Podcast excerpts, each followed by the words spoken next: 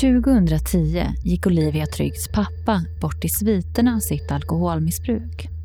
Samma år startade Olivia och hennes mamma stiftelsen Trygga Barnen. Efter år av tystnad, skam och en känsla av att vara ensam i sin situation hemma fick Olivia nog och berättade för klassen om sin pappa. Det visade sig att nästan var tredje person hade liknande upplevelser. Men hur kommer det sig att de alla varit tysta och i ensamhet gått runt och mått dåligt? Något väcktes i Olivia och med Trygga Barnen går hon ut och föreläser för bland annat skolor och berättar om sin uppväxt. Hos Trygga Barnen kan barn och ungdomar upp till 25 år få stöd och hjälp.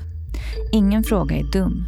Ett kärleksproblem kan vara första steget till att våga berätta om sina missbrukande föräldrar.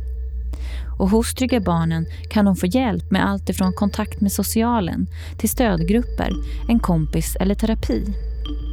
Olivia själv har gått år i terapi och rekommenderar andra att göra detsamma. Det är viktigt att ta hjälp. Ingen ska behöva gå runt och må dåligt.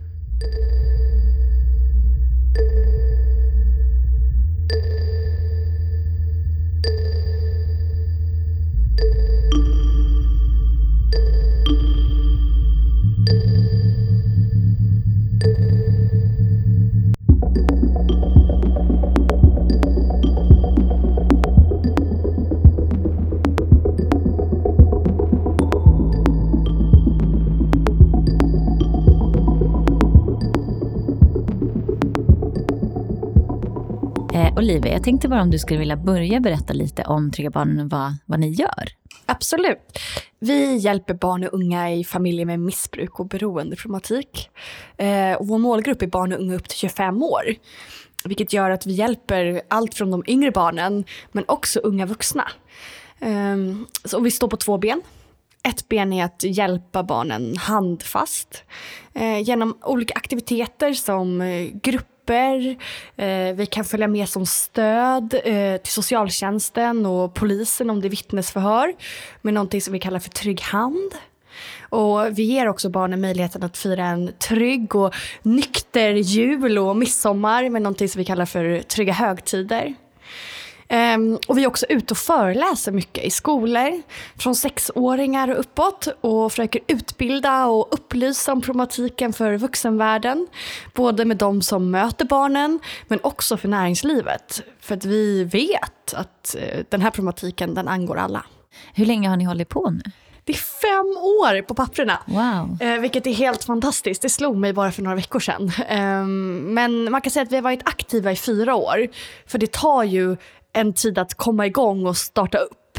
Um, Hur många är det som söker sig till er ungefär? Ehm, vi räknade nu precis innan jul att vi hade kontinuerlig kontakt, alltså veckovis, med ungefär 75 barn i veckan. Och då är det allt från att det kan vara 65 en vecka och sen 78 en vecka. Men i snitt ungefär 75 barn unga. Och då är det från allt från att de kommer veckovis då via våra stödaktiviteter regelbundet, men också att de hör av sig mycket via chatt som vi erbjuder tre dagar i veckan och via Kik, den här chattfunktionen på Android och iPhones. För det är så barnen hittar till oss. Vad är liksom det vanligaste eh, fallet så att säga, som ni stöter på eh, bland de här barnen och unga? Eh, många skriver till oss via Kik eller via chatt. Eh, och det är oftast att de alltså, är oroliga för sina föräldrar. Eh, att de inte ser sig själva utan de ser sina föräldrar. Att det till exempel kan vara en, en eh, mycket bråk hemma eller att eh, jag vill rädda min pappa för att han alltid är full och jag tror att han har problem med alkoholen. Hur kan jag hjälpa honom?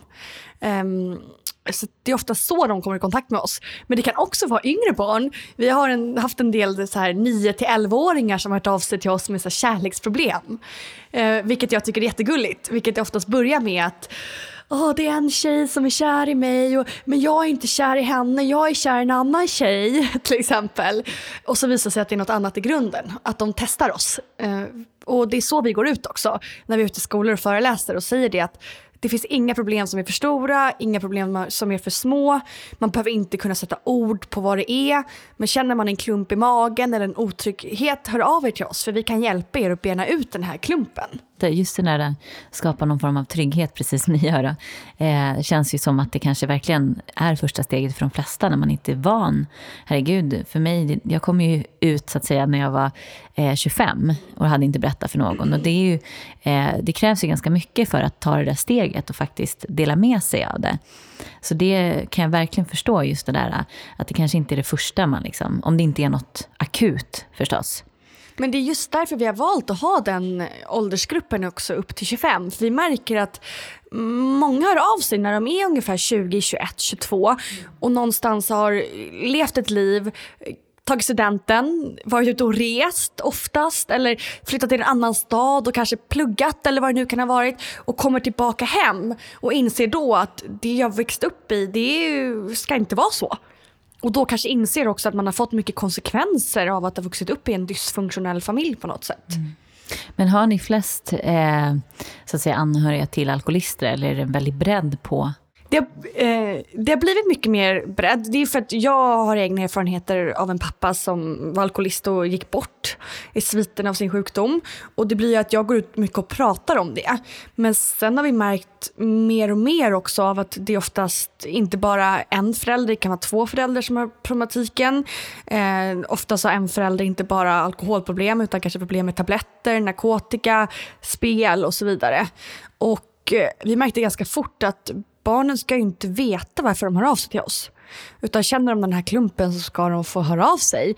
Eh, och, eh, Eh, men också vad vi märker att eh, ibland kanske det är en förälder som är alkoholist till exempelvis och en annan förälder som är psykiskt sjuk. Eh, och det är svårt för barnen att bena ut vad som är vad. Så därför så har vi sagt att vi hjälper barn och unga i familjer med liksom missbruk, beroendeproblematik. Eh, men också lite psykisk sjukdom för det går in i det på något sätt. Eh, vi säger inte nej till någon eh, utan kan inte vi hjälpa så ser vi till att den får den hjälp den behöver. Det är jättebra. Jag tänker eh, just det där som du säger, för det är ju väldigt svårt. Många tvivlar kanske också på, eh, man kanske känner precis som du säger en klump i magen eller att det är något som inte stämmer. Men man kanske inte, framförallt inte om man är väldigt liten, förstår vad problemet är. Eh, och det är väl en väldigt stor del utav, utav den här eh, förnekelsen och rädslan. Att, att på något sätt inte Eh, Eh, att inte kunna definiera. Och speciellt när ingen där hemma kanske sätter ord på det då, så blir det ju väldigt, väldigt stor grej. Men du nämnde om din pappa. Jag tänkte bara, skulle du vilja beskriva lite den här familjekonstellationen som ni var när du växte upp? Om det var mamma, pappa, syskon och sådär. Absolut. Jag är uppvuxen norr om Stockholm i en fantastiskt bra och sammansvetsad familj med bra förutsättningar. Eh, med min framgångsrika pappa som var reklam, i reklambranschen.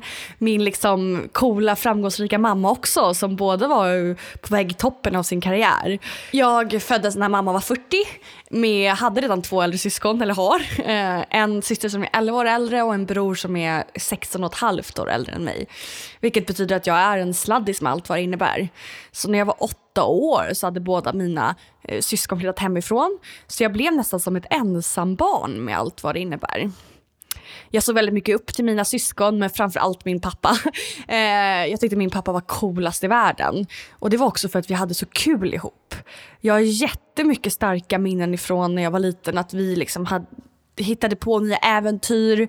Det fanns alltid saker att göra. Eh, var vi utomlands så lekte vi pirater och det var skattkartor på julafton. Eh, pappa var liksom världens bästa pappa. Eh, och medan min mamma var den här klassiska mamman som hämtade på dagis, eh, står i köket och såg till att båda vi hade varma kläder på oss om, om det behövdes när det var kallt ute. Eh, men sen hände det någonting och jag kommer inte ihåg exakt hur gammal jag var. Men jag tror att jag var 8-9 år när min pappa får ett förändrat beteende. Han blir hånfull och sarkastisk och kunde säga saker till mig som Ska du verkligen ta den där extra bullen, kolla dig själv i spegeln först. Och som du vet, som barn så förstår man inte ironi. Och eftersom min pappa i mina ögon var coolast i världen så tog jag det också väldigt, väldigt hårt. Alkohol, det har alltid varit ett självklart inslag i vår vardag. Har det inte varit något att fira så har det varit semester eller någon har kommit över. Och det har varit självklart att de vuxna har liksom fått ett glas vin i handen medan vi barn har fått Coca-Cola. och det Ah, under tiden så var det, det var bra hemma hos oss fortfarande. Jag kommer ihåg att jag kunde hitta mamma och pappa stå och pussas i köket och jag tyckte att det var lite pinsamt. Och, men fortfarande så var det pappa som eh, lekte med mig. Om jag hade kompisar över och vi hade tråkigt så kunde vi gå till honom och så eh, byggde vi en lådbil typ. Um, men när jag var 12 så slutade min pappa jobba. Han, eh, jag ser jättemycket fram emot den här dagen han blir liksom förtidspensionär. Uh, och jag tänker att nu ska jag få tillbaka den här gamla pappan som jag hade när jag var liten. För under tiden på mellanstadiet, även om det hade varit bra hemma så hade pappa jobbat mycket, han var på, väg på toppen upp på sin karriär. Och absolut så var det någon stämning hemma som jag inte riktigt kunde sätta ord på.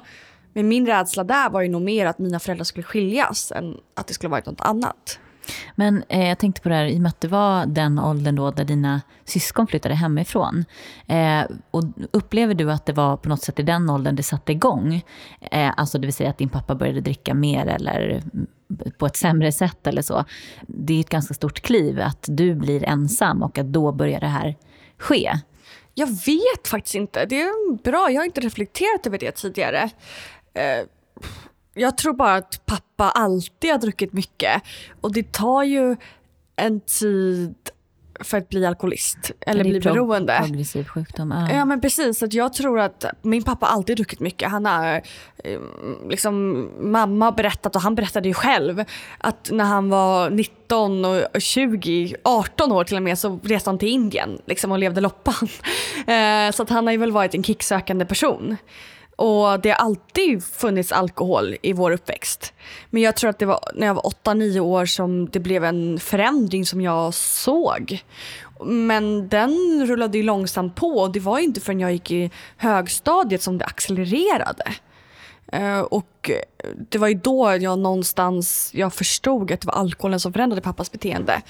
Och då hade det gått flera, flera år. För att en alkoholist, det kunde inte min pappa vara för en alkoholist. Det trodde jag var någon som låg på parkbänken. Men jag antar också att din mamma tog väl ett glas vin också i samma veva. Att det kanske är svårt att avgöra varför han blir si och hon blir så när det är, de dricker samma sak. Och då kanske det är svårt också som barn att koppla. Ja men precis, det var exakt så. Mamma drack ju också. Och våra familjevänner drack och våra grannar drack. Alla drack ju. Det var ju självklart att de vuxna hade liksom alkohol i sina glas när de kom över. Och precis som du säger, det var nog det att det var svårt för mig att se eh, skillnad förrän mycket senare då. Just för att mamma kunde ju också såklart bli lite rund om fötterna, uh, precis som pappa. Men pappa blev förändrad på ett annat sätt när han drack och det var det som var obehagligt. Men vem blev du då i den här familjen? Speciellt i och med att du nästan var som ett ensam barn nu. Uh, jag blev clownen och väldigt beskyddande. Jag kommer ihåg att jag ville göra alla glada och nöjda. Och Eh, jag, eh, vi pratade inte om vad som pågick hemma. Det, jag pratade inte med mamma, mamma pratade inte med mig, jag pratade inte med mina syskon. Eh, för jag tror inte att någon av oss ville se. För vi var ju utåt sett fortfarande den perfekta familjen. Jag kommer ihåg att jag oftast gick emellan, började mamma och pappa liksom tjafsa. Det var aldrig det att de bråkade men de kunde tjafsa, i alla fall där under högstadiet när pappas drickande hade gått så pass långt. Då gick jag in och så försvarade jag pappa och nu efterhand förstod jag ju, har jag förstått att det var ju eftersom pappa var den svaga och det blev automatiskt att jag gick in och försvar, försvarade honom. Vilket var jobbigt såklart. Eh, jag ville ju bara att alla skulle vara nöjda och glada och vi skulle vara den här perfekta familjen. Ja, det är klart. Eh, jag fick mycket kontrollbehov, jättestort kontrollbehov. Och det var för att jag eh, började hälla ut och jag började gömma alkohol. För någonstans där när jag gick i sjuan, åttan så förstod jag att det var alkoholen som förändrade pappa. Och det gjorde ju att jag ville inte att han skulle dricka så mycket. Så det började med att jag hällde ut alkoholen och då fick jag liksom höra att hur kan du hälla ut det här dyra vinet? Eh, så jag tänkte att om jag gömmer alkoholen då? Eh, då fick jag höra samma sak. Eh, och så tänkte jag att om jag häller ut hälften av alkoholen och häller vatten i andra hälften då kanske han inte blir lika förändrad. Men det fick jag också liksom skit för. Han upptäckte det? Ja, ja han upptäckte mm. det. Och antingen så sa han inget alls och så gömde han liksom mer ställen själv. Eller så sa han något vilket gjorde att jag bar massa skuld.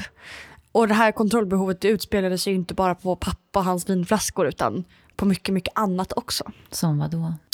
Men på mamma, jag kunde ringa henne flera gånger per dag och fråga när hon skulle komma hem utan att jag tänkte på det. Jag kunde liksom få typ tvångstankar i, i vissa situationer. Jag eh, tyckte nog att livet var ganska tufft och det gjorde också att jag inte ville skjuta folk för nära inpå. För utåt sett såg det ut att jag var jätteglad och lycklig för jag hade mycket kompisar, jag var sprallig, jag var eh, bra på att göra alla andra glada och nöjda. Men det var ju mitt sätt att eh, hålla borta mina egna känslor. Förändrades din pappas drickande? Alltså började han dricka annat eller dricka på andra tider eller bara större mängder? Eller? Det blev ju det att han hade inget jobb att gå upp till. Vilket gjorde att han kunde dricka när han vill och hur mycket han ville. Och eftersom uh, vi hade det bra ställt ekonomiskt så behövde han inte heller ta bilen någonstans. Han kunde ta taxi eller något annat. Uh, och det gjorde ju också att jag kommer ihåg att när vi skulle bort på middagar så var det ju, blev det mycket liksom tjafs mellan mamma och pappa. Mamma skyllde på att hon hade migrän i situationstecken eh, och pappa ville bort. Eh, och där stod jag mitt emellan. Oh, min sjuk mamma trodde jag som låg i migrän. Eh, hon hade säkert stress, liksom, huvudvärk och, och pappa. Eh, och det slutade ofta med att jag följde med pappa för att jag inte ville göra någon ledsen. Eh, och ja, Nej. Det är klart att det kanske inte är helt lätt att se, men får man mer tid att dricka och framförallt att man har resurserna för det, så är det klart att det ger ju alla möjligheter för att dricka både mer och oftare så att säga. Ja, och precis. Och vad jag kan tillägga då, det var ju också det att jag har ju aldrig sett en bag-in-box hemma hos oss, någonsin. Jag har ju bara sett fina vinflaskor, fina whiskyflaskor, fina glas ja, till och med att han har gjort så här eget hembränt vin med vinbär från vår trädgård. Så att eh, jag trodde inte att min pappa var alkoholist, för en alkoholist det var ju någon som låg på parkbänken. För under min uppväxt så pratade man aldrig om det som någonting man borde oroa sig för. Det, det, kunde inte hända oss helt enkelt. Och jag kommer ihåg att jag kunde komma hem från skolan och absolut kunde pappa sitta och halvsova på soffan. Men han hade ju ingen, inga obligationer, eller vad, kallar man, vad säger man? Uh, inga måsten. Vilket gjorde att, eh, uh, klart att det var pinsamt om jag tog med mig en kompis. Men uh, han hade ju alltid någon ursäkt. Ja, men jag var ju uppe sent i natt för jag fixade det här eller ja, men jag tog bara en liten napp eller ja, jag har gjort det här och ja, jag tänker också då som, alltså när man är mindre så eh, då är det ju den vuxna som vet bättre. Så det är klart att man inte ifrågasätter det utan bara, som du säger, snarare ifrågasätter sig själv. Att så här, det här, oj men jag tänkte nog fel eller ah, vad dum jag är liksom. Men att eh, för mig var det i alla fall så att ju äldre jag blev började jag ju mer och mer genomskåda det här. Och det växer ju en stor frustration. Och för mig var det inte så att jag sa nu ljuger du, utan jag började ju också bygga upp en ilska och började såklart bete mig annorlunda av det här. Hur var det för dig? Alltså blev du, började du säga ifrån eller, eller blev, fick du någon slags eh, reaktion på det där till slut? Eller? Jag började konfrontera pappa. Jag, är en ganska, jag har alltid varit kaxig. Jag är liksom någonstans uppväxt med att eh, man säger vad man tycker och tänker. Och, och eftersom jag var sladdig sen så var jag väl inte lika styrt, liksom, hår, liksom, lika hårt styrd heller. Vilket gjorde att jag är van att här, jag kan lätt ta en diskussion med en vuxen om jag inte tycker det. Eller jag vill ha det här, då vill jag ha det. Du vet. Eh, vilket gjorde att jag absolut konfronterade pappa ett flertal gånger. Eh, men jag kommer ihåg att alltså jag fick aldrig någon uppbackning. Vilket gjorde att jag aldrig riktigt trodde på det det blev ju som du säger, att jag blev osäker på, gjorde jag rätt nu? Och så fick jag oftast väldigt mycket skuld i, åh nu gjorde jag så här, gud nu kanske jag gjorde pappa ledsen. För att han visste ju att han skulle spela sina kort rätt också. Vad gjorde du av den här skulden då? Vad, vad hände med den i dig? Eh, jag flyttade till stallet. I stallet, det var min, min flykt. Jag, I stallet kunde jag vara mig själv. I stallet hade jag inget kontrollbehov. Jag fick liksom energi av bara miljön, av hästarna. Det var något jag var bra på. Jag behövde inte känna prestationsångest. För jag hade också, det här påverkade mitt skolarbete för jag fick ju jättedålig koncentrationsförmåga. Och hade det jättetufft i skolan. Eh, vilket gjorde att eh, jag orkade typ inte det. Jag blev ganska lat. Eh, kom ihåg, jag hade konfrontationer med mamma som tyckte att du måste plugga mer. Och jag bara, va? Det var en jobbig tonåring helt enkelt. Men sa de någonting i skolan då tycker jag? Att, alltså, där är ju verkligen en sån här varningssignal att, eh, att du exempelvis inte har någon koncentrationsförmåga och så, och att det går sämre och sämre. Det tänker jag då utifrån att det måste hos lärarna väcka en liten så här, men vad händer här? Och att det blir någon slags emergency call, att nu behöver vi ta in föräldrarna här och se vad som försiggår eller? Ja, alltså, jag, jag är dyslektiker. Jag fick eh, diagnosen, eller man ska kalla det för, redan när jag gick i trean eller fyran. Vilket gjort att det alltid varit en undanflykt när det gått dåligt i skolan. Att ja, men hon är dyslektiker eller jag är dyslektiker, det är därför. Um, sen har väl jag alltid haft, liksom, min överlevnadsstrategi har väl alltid varit clownen. Så folk som har följt mig har väl sett mig som den här glada, roliga, sociala, lite jobbiga ibland. Men samtidigt har jag alltid kommit i tid, jag har aldrig skolkat. Ehm, och sen eftersom jag var dyslektiker så fick jag också extra hjälp en dag i veckan. Och jag var alltid ordentlig och tog den där extra hjälpen för någonstans ville jag ju prestera för jag hade väl någon så här prestationskrav i botten. Eh, och jag, alltså, jag vet inte, det är jättesvårt att säga. Vissa lärare mm, eh, var inte så bra, ärligt talat. Och liksom satte den i fack. Det man skrev på första provet i sjuan, det, fick, det betyget fick man i nian, typ. Och jag tror att många lärare själva var rädda för att de kanske själva hade problematiken och ville inte bemöta. Men framför allt att min pappa, han var stark, men han var bra på att argumentera för saker. Båda mina föräldrar kom på utvecklingssamtalen, var snyggt klädda. Vi hade alltid finast presenter på skolavslutningarna. Eh, du förstår, hela det tänket, vilket gjorde att jag tror ingen vågade se. Men det var en lärare som såg mig, som räddade mig. Och det var en lärare som jag hade i sjuan som var mammaledig i åttan och kom tillbaka i nian och såg en förändring. Såg att jag inte alls var den här glada spralliga längre utan något hade hänt. Och eh, hon, eh, jag har pratat med henne nu i efterhand. Och när man ska göra utvecklingssamtalen så skriver tydligen lärarna först hem eh, en liten notering och så skickar de hem det och så kommer man på utvecklingssamtalen. Och då hade hon skrivit till eh, mamma eh, och sagt att eh, är allt okej okay hemma hos er? Jag har sett på Olivia att hon inte är lika glad längre eller något sånt där. Och eh, så himla tur. Det var precis rätt tidpunkt för i den vevan så hade väl mamma någonstans, ins någonstans insett att vi klarar inte det själva längre och börjat förstå att det är, vi måste agera hemma. Men hade hon sagt någonting då offentligt eller var det någonting som pågick i henne? Det pågick nog i henne och jag vet att hon hade tagit, pratat med någon terapeut du vet, träffat någon terapeut någon gång och det bara smyg börjat processen och sagt till pappa liksom att kan du inte testa att ha en vit månad, jag har läst det någonstans. Hon hade väl börjat göra egen research tror jag. Och han klarade en vit månad men sen började han dricka igen. Uh, och uh, det var precis, hon hörde av sig precis rätt tidpunkt. För att när mamma läste det här så ringde hon upp och sa tack för att du skriver det här, det här har hänt och bara bla bla bla bla bla. Uh, och det gjorde att den här läraren räddade mig. Eh, gjorde så att jag fick godkänt och att jag kunde komma in på det gymnasiet jag ville. Och hon var en pärla, hon var ju nyexad. Eh, och hade jobbat ett år, sen varit mammaledig och kom tillbaka. Vi var typ hennes första år, eh, årsklass. Så hon tog sin fritid och satt och pluggade med mig och satte mig i ett rum när jag skulle skriva prov just på grund av min koncentrationsförmåga. Och sa liksom, jag sitter här bredvid dig tills du har skrivit klart det här. Och la typ en hand på min axel. Eh, och lyssnade på mig och såg mig. Eh, och liksom, hon gick inte in så mycket i det utan hon bara visade att jag ser dig.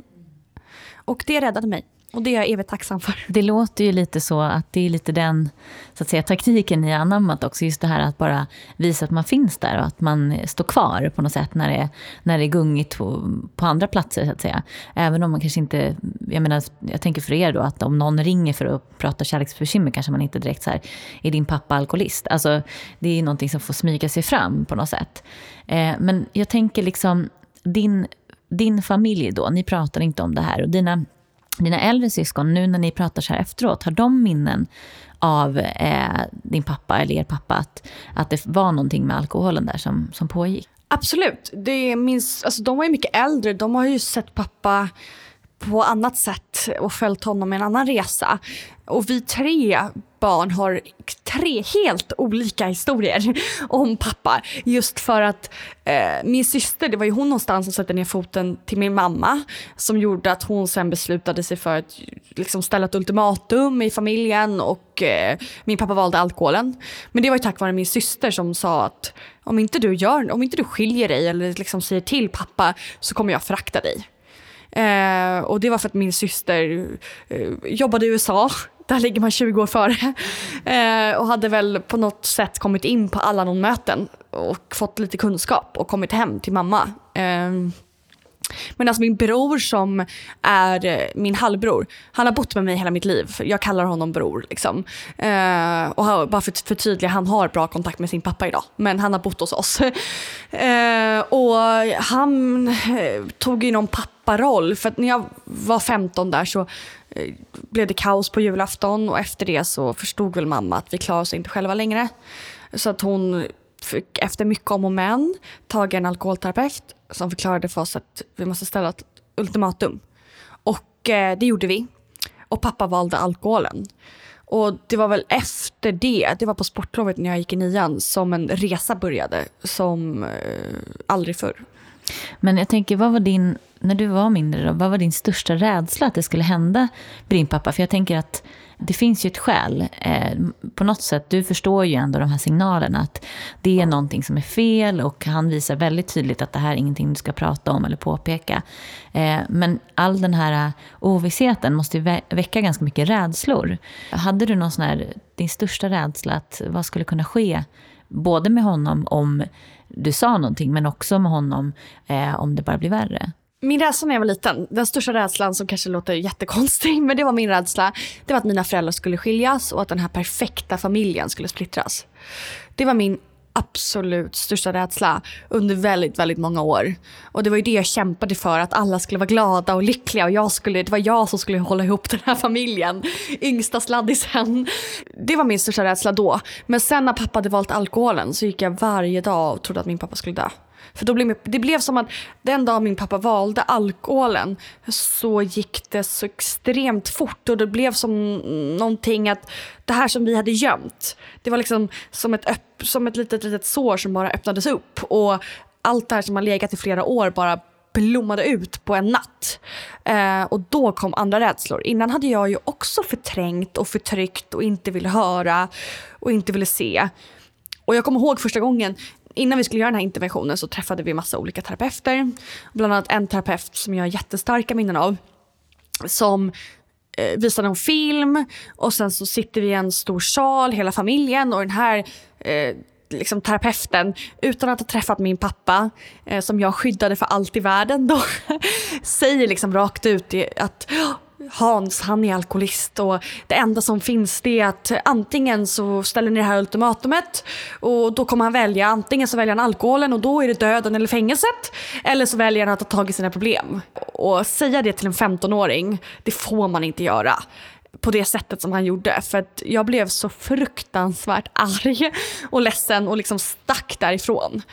Det låter inte direkt som en uppmuntran att, att ställa till med den här scenen. Liksom. och jag fattar att man måste jobba med ärlighet men eh, man kan inte bara gå in i en familj och stampa ner foten utan att känna den och säga så här är det. Framförallt, jag, kan, jag tycker att det är bra att man eh, eh väcker de här fruarna. Liksom. De behöver ett, oftast ett slag på något sätt men inte barnen. Man får inte skrämma skrämma dem. Försökte ni rädda eh, din pappa på något sätt? Ja, alltså såklart. Vi räddade ju honom alla de här åren genom att skydda honom. Vi trodde att vi räddade honom, men vi skälpte ju bara. Eh, det var ju vårt sätt att rädda, trodde vi.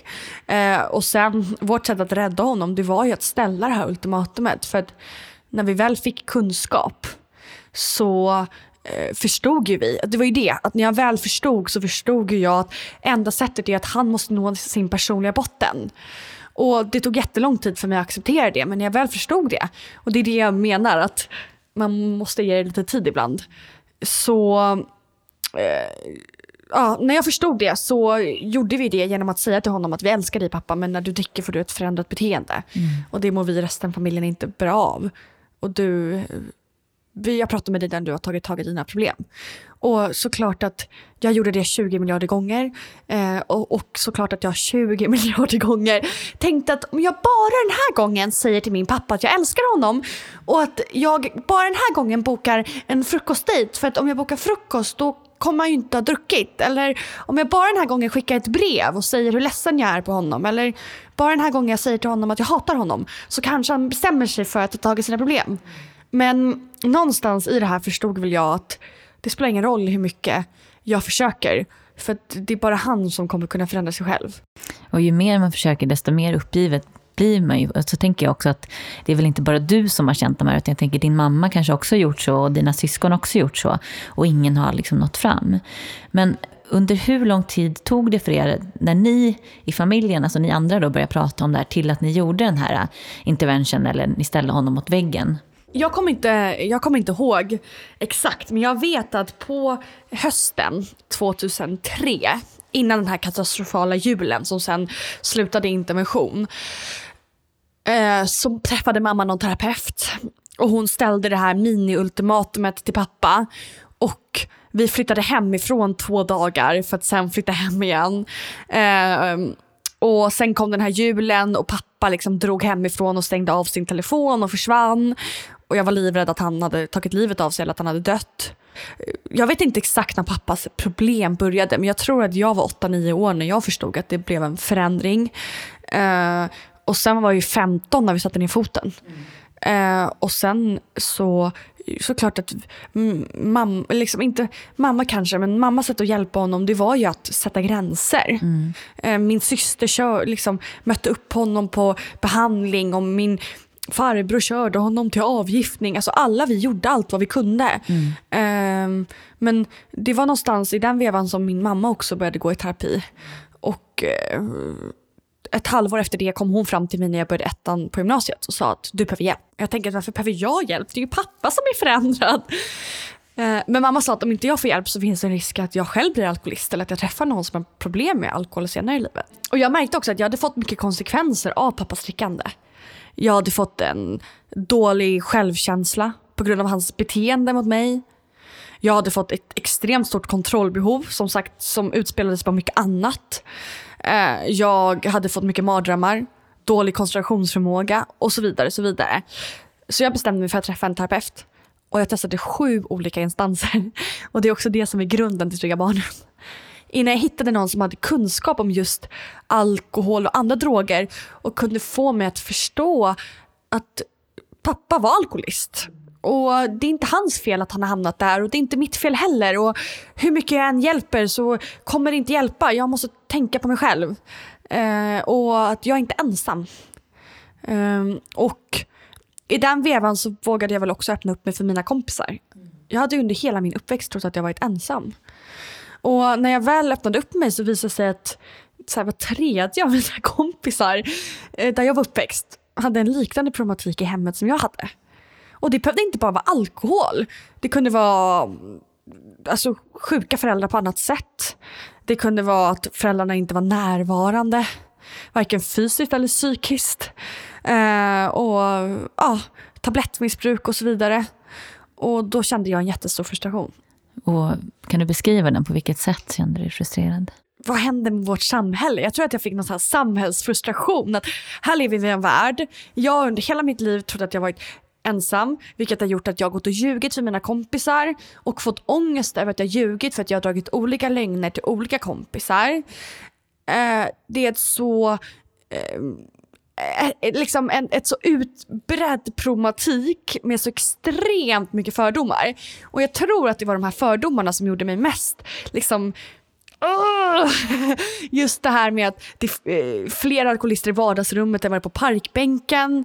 De enda vi hade pratat om det var de här alkoholisterna som låg utanför Systembolaget. Um, och att, att det var min pappa. Precis som det var min pappa så var det en nära kompis till mig som hade en pappa med exakt samma liksom, alkoholmissbruk och exakt samma konsekvenser av sitt alkoholmissbruk.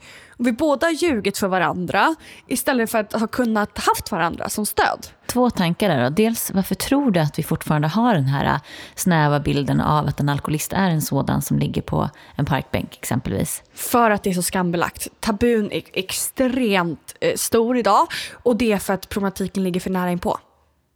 Det, det tror jag Eh, och det är det som är Trygga Barnens, det var ju därför vi grundades. Ta bort den här skammen och börja prata om det. Och vi lever i ett samhälle idag där alla eh, jobbar på ett visst sätt. Nu börjar det bli mer fritt men att så här, nu är klockan sex, nu går jag in och så, så går jag in till min familj och sen så stänger jag dörren och sen så det som händer bakom vår stängda dörr, det pratar vi inte om. För att ingen vill sticka ut och ingen vill vara som ingen annan och så fort man är lite bättre än någon så blir det avundsjuka. Eh, och sen, eh, det blir bättre och bättre. Men jag tror att eh, vi måste börja prata om att ingen är perfekt. Titta bara idag på all prestationsångest som finns alla unga som mår så extremt dåligt för att man ska prestera och man ska vara på ett visst sätt. Och det är högsta intagningen på alla högskolor om man vill bli något. Eh, och då ska man bli läkare eller så ska man bli någon PR-konsult. och alla kanske inte passar att plugga, eh, men man kanske är bra på annat sätt. Och eh, det är det här vi måste ta bort. Att man, ingen är någon andra lik och framför allt, det finns inget som heter perfekt. Ja, men det där är ju väldigt, och det tycker jag mig höra när jag pratar med väldigt många. Eh, just det här att, eh, och framförallt kan jag se eh, hur jag var tidigare, innan jag började prata om det här, så var det ju väldigt lätt också att man umgicks med folk där det pågick väldigt mycket skvaller. Man pratade väldigt mycket om vad andra gjorde. Eh, och det kan man ju se generellt också tycker jag i jantelagens hem. Att det är väldigt sådär, hur mår du? Nej men det, ja, nej, men det är bra med mig. Och sen börjar man så här, har du hört att, har du hört att? Liksom. Men för mig var det också så att när jag öppnade upp så blev det en liten våg där mina vänner, och även om inte alla kanske till att börja med börjar berätta om sitt, så börjar vi i alla fall prata om hur vi mår. Ah. Eh, och det var ju en jättestor skillnad. Och då för mig kunde jag börja bli mig själv och då blir det en jättestor skillnad. För de vänner man då har kvar är vänner som man faktiskt både vill vara vän med och som vill vara vän med mig. Och det, är jätte, alltså det gör ju jättestor skillnad än alla dessa ytliga bekantskaper som man försöker få en att fortfarande tycka om en på något sätt. Ja, verkligen. Och framför allt alla de här koderna. I skolan får man, måste man ha de här märkeskläderna. Har man inte det så passar man inte in och man ska hänga med dem. Och på helgerna så måste man göra det. Och har inte du haft alkoholdebut innan du är 18, då är du töntig. Men du vet, jag blir helt galen på sånt här. Eh, alla de här måstena och alla fördomar. Jag tänker att, eh, tro, vad, vad tror du var den utlösande faktorn där du faktiskt bara, nej, nu måste jag gå och säga det här. Jag vet inte om du gick upp liksom i klassrummet och bara, så här är det, eller bara sa till dina närmsta vänner. Men det händer ju någonting från att inte prata till att bara kliva ut. Det blir ju, jag vill gärna jämföra med som att komma ut ur garderoben. För det finns liksom inget, man kan inte kliva tillbaka när man väl har tagit det där steget ut. Eh, ja, alltså jag hade ju börjat gå i stödgrupp också där jag träffade andra i liknande situation. Och av en slump så var det liksom en tjej i typ samma kommun som mig som gick i den här. Eh, några som var några yngre. Och där någonstans insåg jag att jag kan inte vara ensam. Och jag också tror jag, jag hade fått lite bättre självkänsla eh, av att gå i terapin, vilket gjorde att jag var så trött på att ljuga. Och sen såklart att jag inte berättade hela sanningen i början. Man testar ju folk såklart. Men jag var så trött på att låtsas. Um, och jag var så trött på att inte har sovit på natten för att min pappa hade ringt och sagt att han skulle dö. För att han inte alls skulle göra det utan han gjorde allt för att få kontakt med mig. Eller att han hade gjort inbrott hemma hos oss och slagit sönder glasrutor och sen gått till skolan och låtsas som ingenting. Jag var så trött på det. Jag ville någonstans bli sedd för den jag var. För jag skrek ju på bekräftelse. Det var ju därför jag var clownen. Och um, jag lovar att jag var nog ganska jobbig. Jag tror att många av mina kompisar tyckte nog att jag var jobbig i perioder just för att jag ville bli sedd. Och det var ju för att jag inte blev riktigt sedd på grund av att pappa tog all uppmärksamhet. Så jag vet inte, men eh, mamma blev ju, mamma var ju också, eh, när hon fick kunskap blev ju hon också en sån här, precis som jag. Så det är henne jag hämtade min inspiration ifrån. Eh, och hon började öppna upp sig och i början blev jag typ lite arg på henne. Åh, du pratar ju med folk som kanske känner mina kompisar. Eh, och jag testade smygande. Och någonstans kom det väl det här att jag skulle förändra. Och jag började skriva skolarbete. Varenda chans jag fick att skriva om det här så skrev jag om det. Och sådär. Ja. Men det, det där är ju, jag tänker också att att, eller jag tänker i alla fall att det borde vara så att eh, i och med att ni någonstans började lyfta upp det här i familjen så får man ju någon slags styrka av att dels att alla ni känner igen er i det och att ni alla har upplevt att ni har mått dåligt av det, att någonting är fel, att det inte ska behöva vara så här. Och att då upptäcka också att det finns hjälp att få, men att man har gått så länge utan det. Eh, jag, jag tänker så här att det, för mig var det så att jag var uppvuxen bara med min mamma, så jag hade ju ingen annan familj och så. Eh, jag tänker att det kan ju också vara en, alltså man förstår skillnaden av att du har en stor familj och att det kan gå så lång tid utan att man pratar om det här. Men eh, var det händer grejer när man börjar prata om det. Det går ju så fort. Mm. Och det är det, man har gått i 15 år typ och inte sagt ett ord. Men jag kommer ihåg att alltså, när jag tänker tillbaka nu, det väcker ju saker, eh, vilket är superbra. Att när jag red eh, så var det en tjej som, ehm, vi var väldigt mycket hemma hos våra liksom, familjer. Hon var hemma hos mig och jag var hemma hos henne. Och hon hade, liksom, jag kände igen hennes pappa i min pappa. Eh, och hon kände igen sin pappa i min pappa. Och det var väl där någonstans, jag kommer ihåg att hon satt på bänken i omklädningsrummet i stallet och jag stod upp. Och liksom någonstans, det var precis innan min resa började. Och, och jag hade gått och laddat för det här och bara, jag måste få säga en sak för dig. Eh, och hon bara, ja vet du vad, jag vill säga en sak till dig. Eh, jag bara, får jag säga först? Hon bara, ja men jag vill säga först. Jag bara, men, men jag vill säga först för man ville bara få ur det här Eh, det känns som att jag känner igen min pappa i, i din pappa. Alltså jag tror att min pappa har problem med alkoholen. Oh, vad skönt att du säger det. Jag känner typ samma sak. Och sen end of discussion, så pratar vi inte mer om det. Men då fick vi säga det och sen inget mer. det måste ju vara ett jättegenombrott att, att då ändå på något sätt att både att ni kunde se varandra och just det där första steget att jag, eller både du då och att hon kände kanske jag är inte ensam. Eh, och att man känner igen sig i någon är ju det kan ju vi båda säga nu och i och med att det ni jobbar med nu också, vikten av att verkligen komma ifrån det här att jag, även det kan jag känna att det satt spår i mig nu, att det liksom är eh, att jag har varit så speciell och att ingen har haft det som mig. Det är också ett sätt att på något sätt sätta sig på en piedestal. Ah. Och det kan ju ge väldigt fula konsekvenser till ah. slut. Men till, till att börja med är det ju mest eh, en slags sorg och en rädsla ah. att, inte va, att inte passa in. På något sätt. Ja, men jag gjorde allt för att passa in. Jag eh, köpte samma jackor som alla andra, jag skulle bära samma jeans som alla andra och så vidare. Så vidare. Uh, och det, ja, men det är det. Och så, det är så typiskt att det, just i den här perioden när man ska bli tonåring och man ska hitta sig själv. Det är då man ska liksom, då ska man bara tänka på sig själv. Men så har man någonting att tänka på där hemma vilket gör att man glömmer bort sig själv. Framförallt när man är medberoende. Det jag Fundera på då, alltså när, er, när din pappa eller er pappa försvann, eh, valde alkoholen, så måste det ju blivit ett ganska så stort tomrum i och med att ni alla har riktat så otroligt mycket fokus och energi på eh, att både hjälpa och vara frustrerad på er pappa. Hur påverkar det här? Vad, vad blev ni för familj efter det? Väldigt, väldigt bra fråga. Det är därför jag fnissar lite. För mm. det är det som är så viktigt att man får inte glömma bort det. För man tror att så här, nu har vi löst problemet med alkoholisten, nu ska vi alla vara glada och nöjda. Men så är det inte. För att eh, min pappa gick ju bort sen, eh, vilket är fruktansvärt. Eh, och efter det här som hände med pappa när han valde alkoholen så var ju jag medberoende på pappa men vi träffades ju inte vilket gjorde att mitt medberoende var ju tvungen att ta plats någon annanstans. vilket gjorde att det flyttades över till mamma jag skyddade ju mamma in i allt. Jag kom på mig själv att sitta och trösta min mamma. eh, och se till att hon var nöjd och glad. Och min skuld som jag hade burit av pappa flyttades nu över till mamma. Sårar jag henne nu eller gör jag fel? Och sen ena sekunden så skulle jag testa att vara kaxig tonåring och skita i allt och andra sekunden så fick jag jättedåligt samvete på grund av det. I det här, alltså att veta och framförallt när någon säger då att antingen så väljer han er eller så eh, hamnar han i fängelse eller dör. Det måste ju någon gång ha funnits tvivel tänker jag. Nu har ni på något sätt ställt det här ultimatumet. Men jag tänker det måste ju finnas gånger när du liksom bara så här, äh, fan vi skiter i det här, vi tar tillbaka honom. Eller känt tvivel, att har vi verkligen gjort rätt? Ja, ja, det tog ju flera år. Det var ju inte förrän kanske två år senare jag hade fått kunskap och någonstans lärde mig att skilja på den sjuka och friska pappan. Och förstod att den som har valt alkoholen är inte pappa, det är någon annan. Men den här tanken då som jag var inne på förut, det här med att på något sätt kommer man ut så finns det no holding back. Då är det bara, man måste bara fortsätta.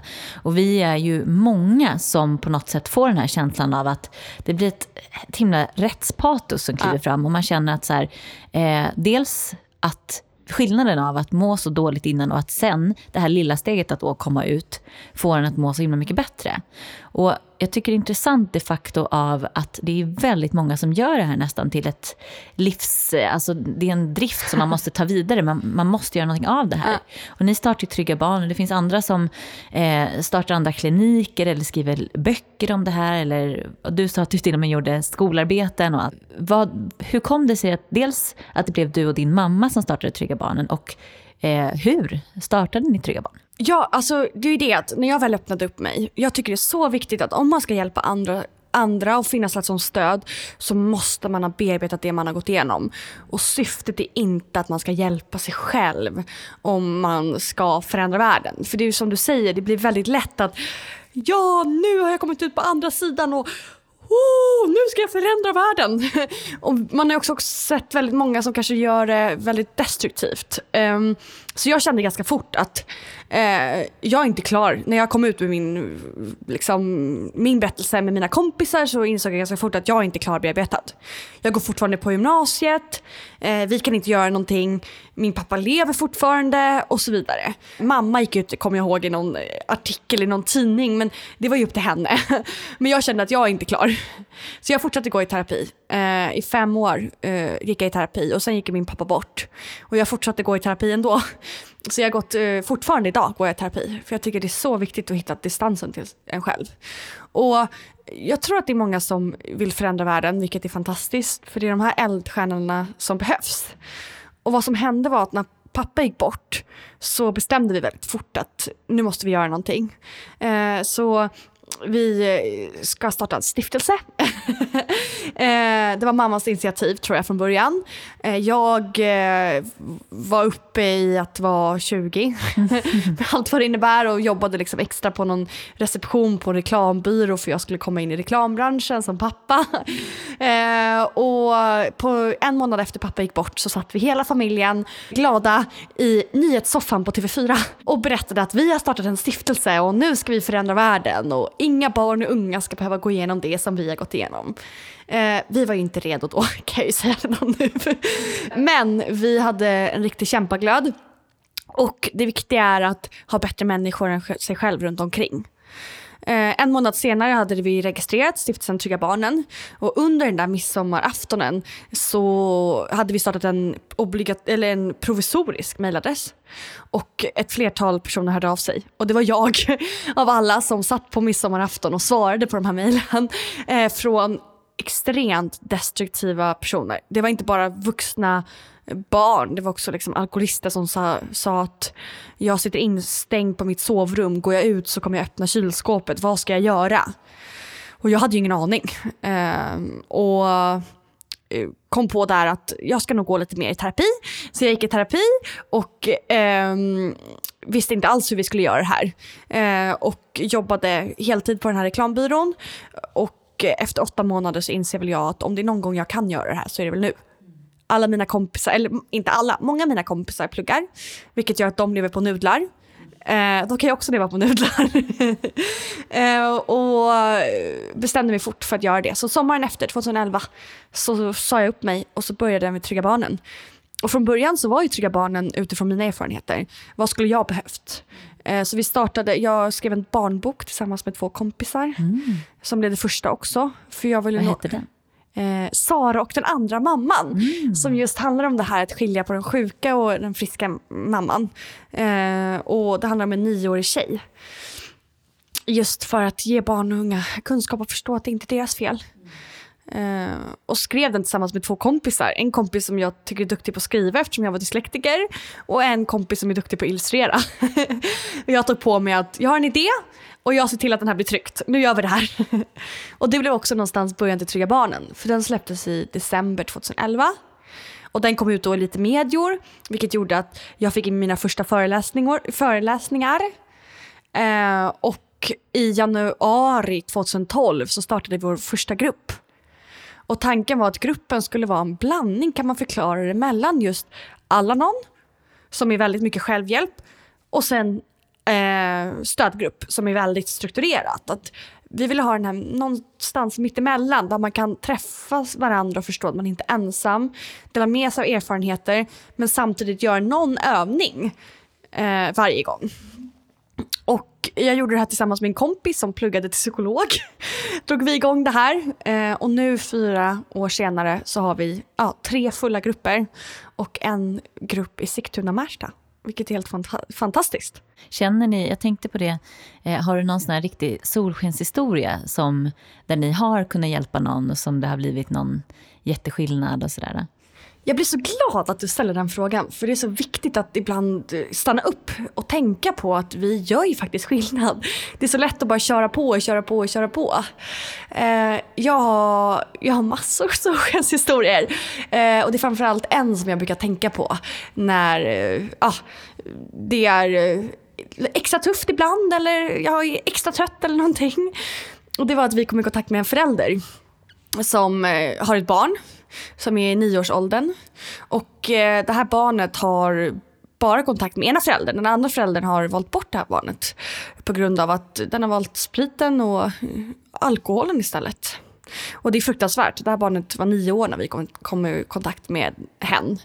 Och eh, den andra föräldern då som barnet bodde hos eh, var frustrerad, kände att hur ska jag hjälpa mitt barn? Det här barnet hade redan vid nio års ålder fått sin första panikångestattack och mådde väldigt dåligt.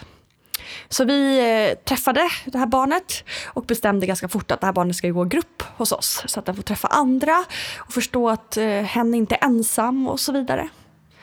Och de första gångerna så var det här barnet väldigt eh, tillbakadraget. Det kunde till och med vara så att det här barnet låg under bordet de första gångerna och sa inte så mycket. Liksom. Men eh, det är okej hos oss. Hos oss får man vara vad man vill. Man kan få eh, sitta i soffan med fötterna uppe eller man får sitta på en stol eller vad det nu kan vara för någonting. Och sen eh, eh när det var ungefär tre gånger kvar, när det hade gått tio gånger på en termin, så kommer det här barnet inspringande till oss, superlycklig oh, vet du vad? Eh, vi fick eh, i uppgift att skriva en dikt på ett valfritt ämne i skolan idag och jag valde att skriva om Trygga Barnen. Eh, och ger den här då dikten till ledarna och läser upp den. Och jag tycker att det här är ett klockrent exempel på att eh, vi har fått igenom våra budskap. Och dikten gick så här. Det kunde varit ensamhet. Det kunde varit sorg. Det kunde varit rädsla, men det var hopp. Det tycker jag är fint, väldigt fint. Jättefint, verkligen. Ja, det känns ju verkligen, det finns ju inget annat än hopp i den historien. Och gick det sen för den här personen då? Eh, vi har fortfarande kontakt med, med personen eller ja, barnet. Och eh, barnet mår mycket, mycket bättre. Det känns som, nu är barnet på väg liksom in i preteen. Mm. eh, och personen har gått i nu två terminer i grupp hos oss och har fått en trygg hand. Och mest får ha liksom en, en, en stora syster som personen får hänga med. Eh, och de hittar på roliga saker ihop. Och hen följer med oss när vi gör andra aktiviteter. Och det här barnet har verkligen tagit, tagit extremt stora kliv. Bara det här i att hen säger själv liksom att ah, men jag kan ju redan det här äh. och, eh, du vet, och sådana saker. Och jag, jag vet att det inte är mitt fel att, att min förälder dricker för mycket. Och, ah, det känns helt fantastiskt. Men det är så viktigt på Trygga Barnen någonstans att Eftersom jag inte är utbildad terapeut, och det finns en mening med det, det är att jag med hjälp av mina egna erfarenheter ska kunna inspirera och finnas där som ett medmänskligt stöd, som en trygg hand. Och just vara den här länken mellan barnet och myndigheten. Att jag inte ska ha en titel. Jag ska inte vara kurator, inte beteendevetare, inte psykolog, inte läkare. Utan en vanlig människa. Och bara för tillbaka till det jag sa innan så eh, det är så viktigt att gå i terapi. det är någonting jag krigar för. Så därför har vi byggt upp en terapeutportal. Där vi förmedlar professionell hjälp till 14 stycken terapeuter med inriktning på den här problematiken. Just för att vi som jobbar på Trygga Barnen inte är terapeuter. Men det är de som backar upp oss i allt vi gör. Så de handleder oss i våra processer. Får jag fråga vad det är för typ av terapi som du har gått och som... Som jag har gått? Ja. Jag har gått allt tror jag som går att gå. Ja. Nej, men jag började hos en vanlig terapeut egentligen. Som egentligen hjälper unga som har ett eget missbruk. Eh, det var min första terapeut som jag gick hos ganska länge. Sen har jag gått i olika stödgrupper, jag har gått i Alanon och Alatin, men också hos KBT väldigt länge. Det är det som jag tror har funkat mest eller bäst i perioder. Sen har jag testat drömtolkning, psykosyntes. Eh, oj, jag har testat mera. jag kommer bara inte på vad de heter. Men jag har testat, jag tror jag har testat allt. Jag har testat hypnos. Och det är just nu också för att jag är så nyfiken just för Trygga Barnen. Eh, energiterapi. Eh, det mesta man kan testa på tror jag. Mm, mm. Men jag tänker på, i en intervju som jag läste av dig så, var det, så sa du att många av de som vänder sig till er har blivit väldigt besvikna av, eller på samhället. Eh, och vad är den största besvikelsen som du upplever? Den största besvikelsen från samhället tror jag att man blir lovad saker som inte hålls att man, man eh, de marknadsför sig att vi erbjuder stöd och hjälp och sen eh, kontaktar man till exempel en myndighet eh, och, och, berättar om allting och säger att snälla säg inte det här till mamma eller pappa, de kommer bli skitarga. Och sen så åker de därifrån och innan de ens har kommit innanför dörren så har liksom den här myndigheten ringt hem för att de här barnen inte är myndiga och berättat att det här barnet har varit här och stämmer det att du är alkoholist? Typ. Eh, vilket gör att många känner sig väldigt svikna av samhället. Och känner sig väldigt ensamma. Och vågar inte. Också tror jag mycket på grund av fördomar. Mm. Och där är ju återigen den här gången när man verkligen behöver någon som står kvar och inte vänder en ryggen. När man redan känner sig utsatt av alla andra, att alla andra vänder ryggen. Och så gör den här sista, när man verkligen ber om hjälp. Och så gör även eh, hjälpen det, så att säga. Det måste ju vara otroligt tungt, verkligen. Men också framför allt tror jag med det att Ja, men, att det känns mer som att det är maskiner. Om du förstår mig rätt. Att det, och jag ska inte klaga på alla för det finns eldsjälar och det är jätteviktigt att säga. Men det här med att ja, nu är klockan fem, nu stänger vi. Fast det är oftast då problematiken börjar i hemmet för då har skolan stängt. Och det är då de vill ha någonstans att gå till, de här barnen och ungdomarna. Eller men det är jullov, så vi stänger nu i tre veckor och finns inte tillgängliga. Eh, och du kan ringa jouren, men då ska det vara absolut akut.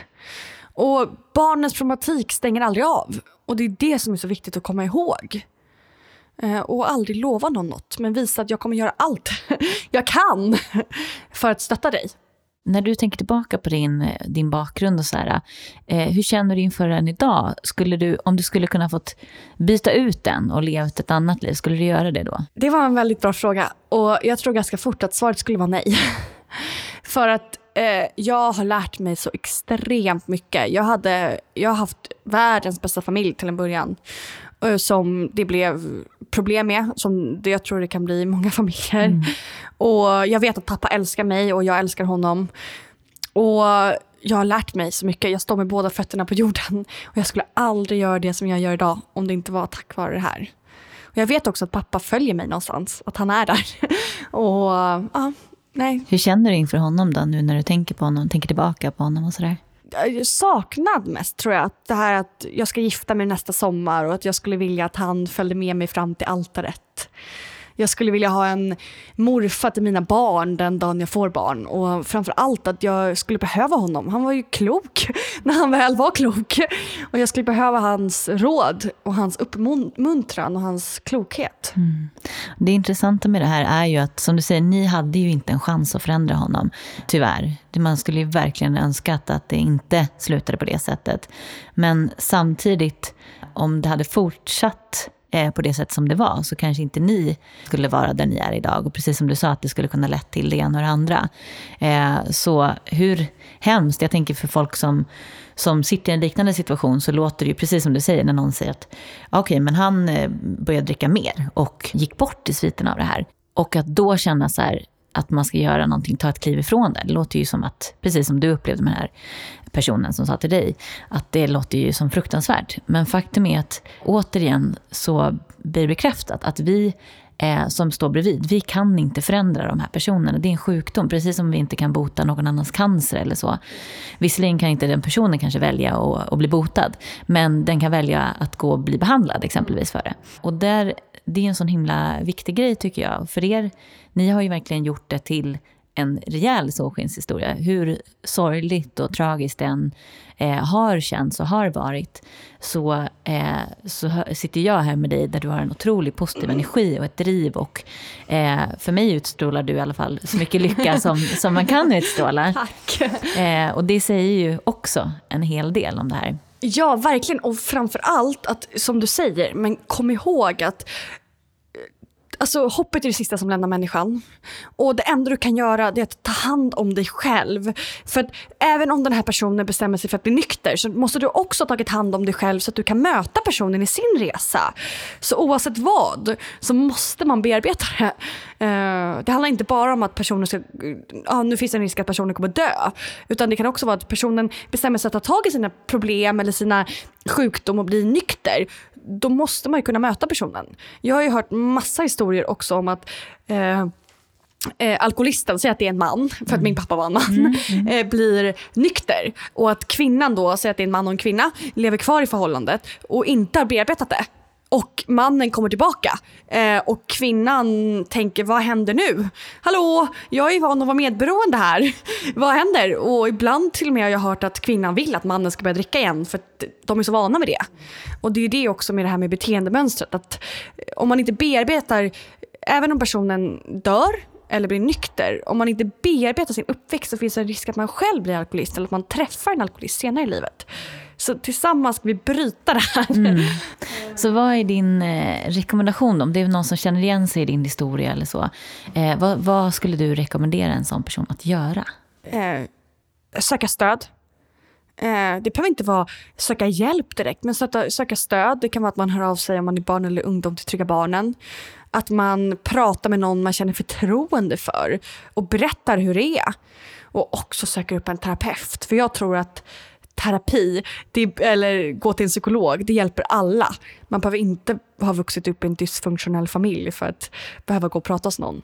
Eh, och våga se framför allt.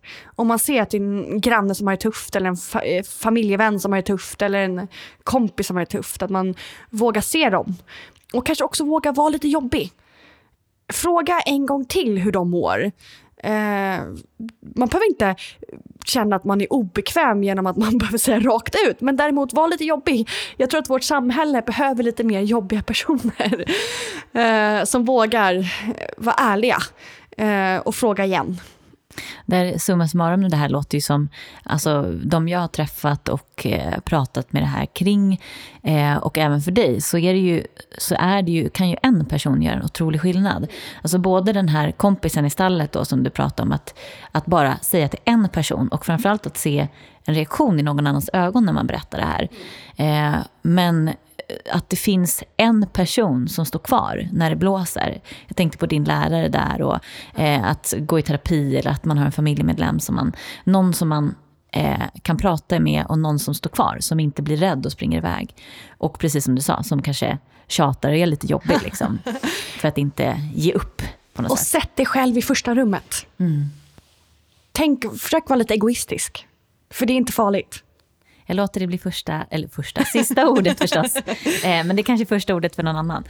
Tack så mycket Olivia för att du är här. Ja, men tack för att jag fick komma hit.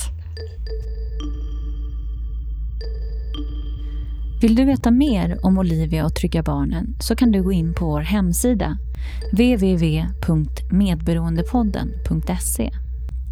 Där kan du även läsa mer om medberoende och vilken hjälp som finns att få. Du kan även följa oss på Facebook och Instagram. Där heter vi Medberoendepodden.